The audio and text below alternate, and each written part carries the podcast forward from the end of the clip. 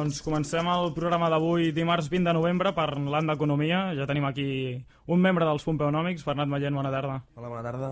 Amb ells eh, parlarem durant els següents dies sobre la problemàtica que, que crearà aquesta nova independència de Catalunya, d'aquest nou estat de Catalunya. Alguns partits polítics en aquesta campanya electoral volen posar moltes traves, diuen que tindrem molts problemes, i d'altres que tot serà flors i violes. I vam vosaltres a veure com, com ho concretem tot això, eh? Exactament. D'això hi ha molta campanya, hi ha moltes veri veritats, mitges veritats i mitges mentides, i aquí de tant en tant vindrem i parlarem sobre ítems en qüestió i doncs desmitificarem o, o els refrendarem en dades econòmiques i des de la racionalitat. I avui quin tema tenim? Avui un bastant recurrent i me'l ve al cap una senyora que es diu Alicia Sánchez Camacho, Sí. que és la, doncs, la, del PP de Catalunya, Mm -hmm. I un, un dels arguments principals, perquè de fet bé, és, vaig rebre aquests sobrets que t'envien de, Sí, de propaganda, sí, sí, i un deia, macos. com pagarem les pensions en un estat català? Doncs deia que no es podrien pagar, i llavors realment jo vaig dir, ostres, és això veritat? De fet, la, tia, la, la senyora perdó, va anar a, a residències d'ancians a, a, a fer por, dir que, no, que realment perillaven les seves pensions. I llavors ara intentaré desgranar si és això veritat. O sigui, aquesta campanya a la por l'anem a... Anem a veure si realment A cal veure si és tenir, real o no. si cal tenir por. Contra la manipulació, informació.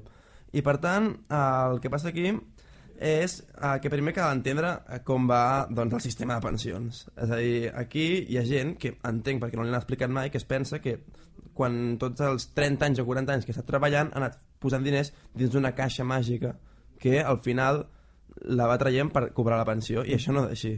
És a dir, els nostres avis, quan van cotitzar, pagaven els avis d'abans i nosaltres quan treballem pagarem els pensionistes. Per tant, és un sistema on els cotitzants d'ara paguen, paguen els pensionistes. I nosaltres qui ens ha de pagar?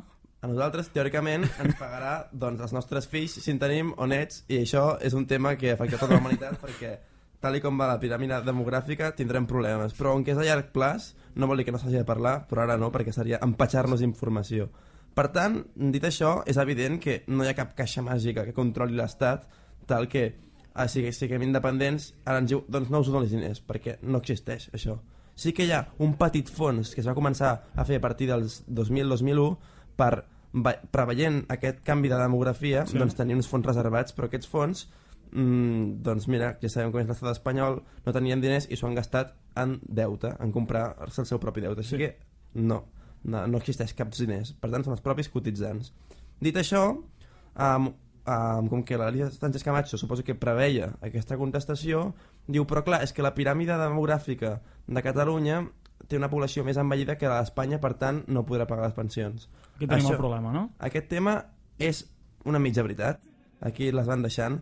Sí que tenim una població més envellida, Mm. però recordem que Catalunya és la comunitat autònoma que ha tingut més immigració. Segurament a l'Anglada no li farà molta gràcia, però això um, va bé perquè significa tenir més cotitzants i per tant, realment, doncs, tenim més cotitzants per, mm, per poder pagar les pensions d'aquesta població envellida que tenim.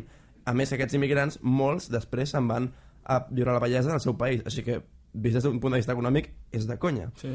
I per tant, a més a més, tenim una taxa d'atur més baixa, per tant, tenim més gent pagant i tenim una taxa d'activitat més alta, que és a dir, doncs, en proporció de població hi ha més gent que està dins del mercat de treball. Per tant, realment tenim més població ocupada en relació als pensionistes. Per tant, no es pot... O sigui, això de, de dir que la, el, tenim una població envellida és cert, però es compensa amb tot això que acabem de dir. A més a més, parlant de números, el PIB per càpita de Catalunya és més alt que el de la resta de l'estat espanyol. Per tant, així que, en tot cas, si tinguéssim un estat independent, com diríem els economistes, ceteris paribus, és a dir, si tot es mantingués igual, Sí. evidentment, no, això no ho podem predir ningú. Si ve un economista i t'ho prediu, doncs està mentint perquè l'economia no és una ciència matemàtica. Si tot es mantingués igual, el que està clar és que les pensions serien més altes, perquè les dades econòmiques així ens ho mostren. Per tant, dit això, doncs, no sé si el nom d'Alicia és adequat, és més aviat malícia, perquè anar a enganyar unes pobres iaies, jo quan ho vaig veure, de veritat, vaig, em, va, em va convèncer i vaig anar i està a Sí, l'IDESCAT. però parla bé, clar, Sí. parla bé, vesteix bé... I s'ho i, i s'ho creu, però, que, però clar, cal estar informat perquè això doncs, és mentida. I dit això, um, volia anar a un altre, per, ja, ja que tenim temps, anar a, a desmatificar Sí.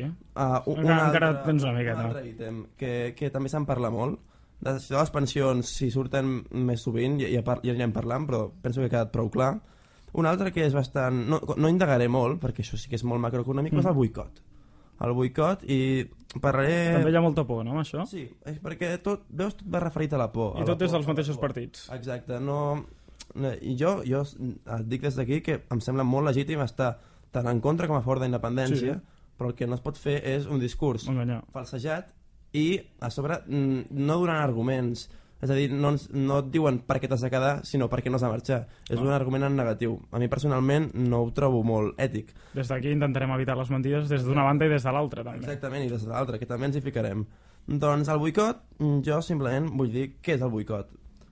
Um, el boicot es tracta de que si ens independitzem diuen que no compraran productes catalans. Com amb el cava va passar, no? Per començar, això dir que si ens independitzem estem suposant que no passa, cosa que ho poso en dubte una mica per alguns comentaris que veus al Twitter.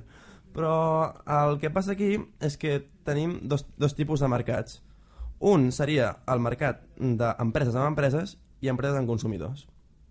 El que passa és que és evident eh, que el mercat d'empreses amb empreses és un mercat racional. La gent no es guia per factors emocionals i el possible boicot que pot haver és gairebé inexistent, perquè si una empresa compra un producte català perquè és el que li ofereix millor qualitat, relació qualitat-preu, no deixarà de comprar perquè s'hagin independitzat, perquè les empreses, per dir-ho així, d'anar per casa, no tenen sentiments.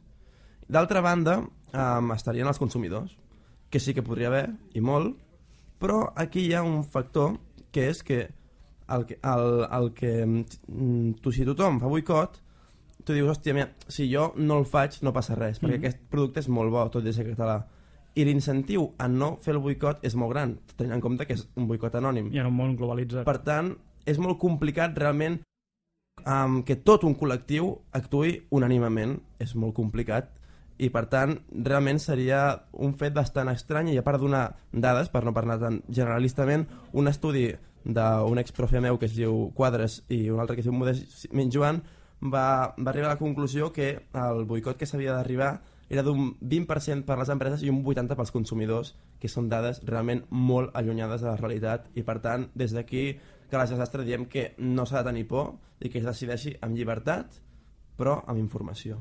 Doncs moltes gràcies Bernat amb aquestes aclaracions sobre, sobre els temes polítics que estaven posant alguns partits sobre la independència de Catalunya deixem la secció d'avui, seguirem dimarts que ve més, amb més rumors que circulen i ara, sobretot, entreu a pompeunovics.com, que no ho havíem dit, i seguim amb política. Ara marxarem de la independència econòmica per parlar sobre la campanya electoral amb la Natàlia. D'acord, fins la propera setmana. Adéu.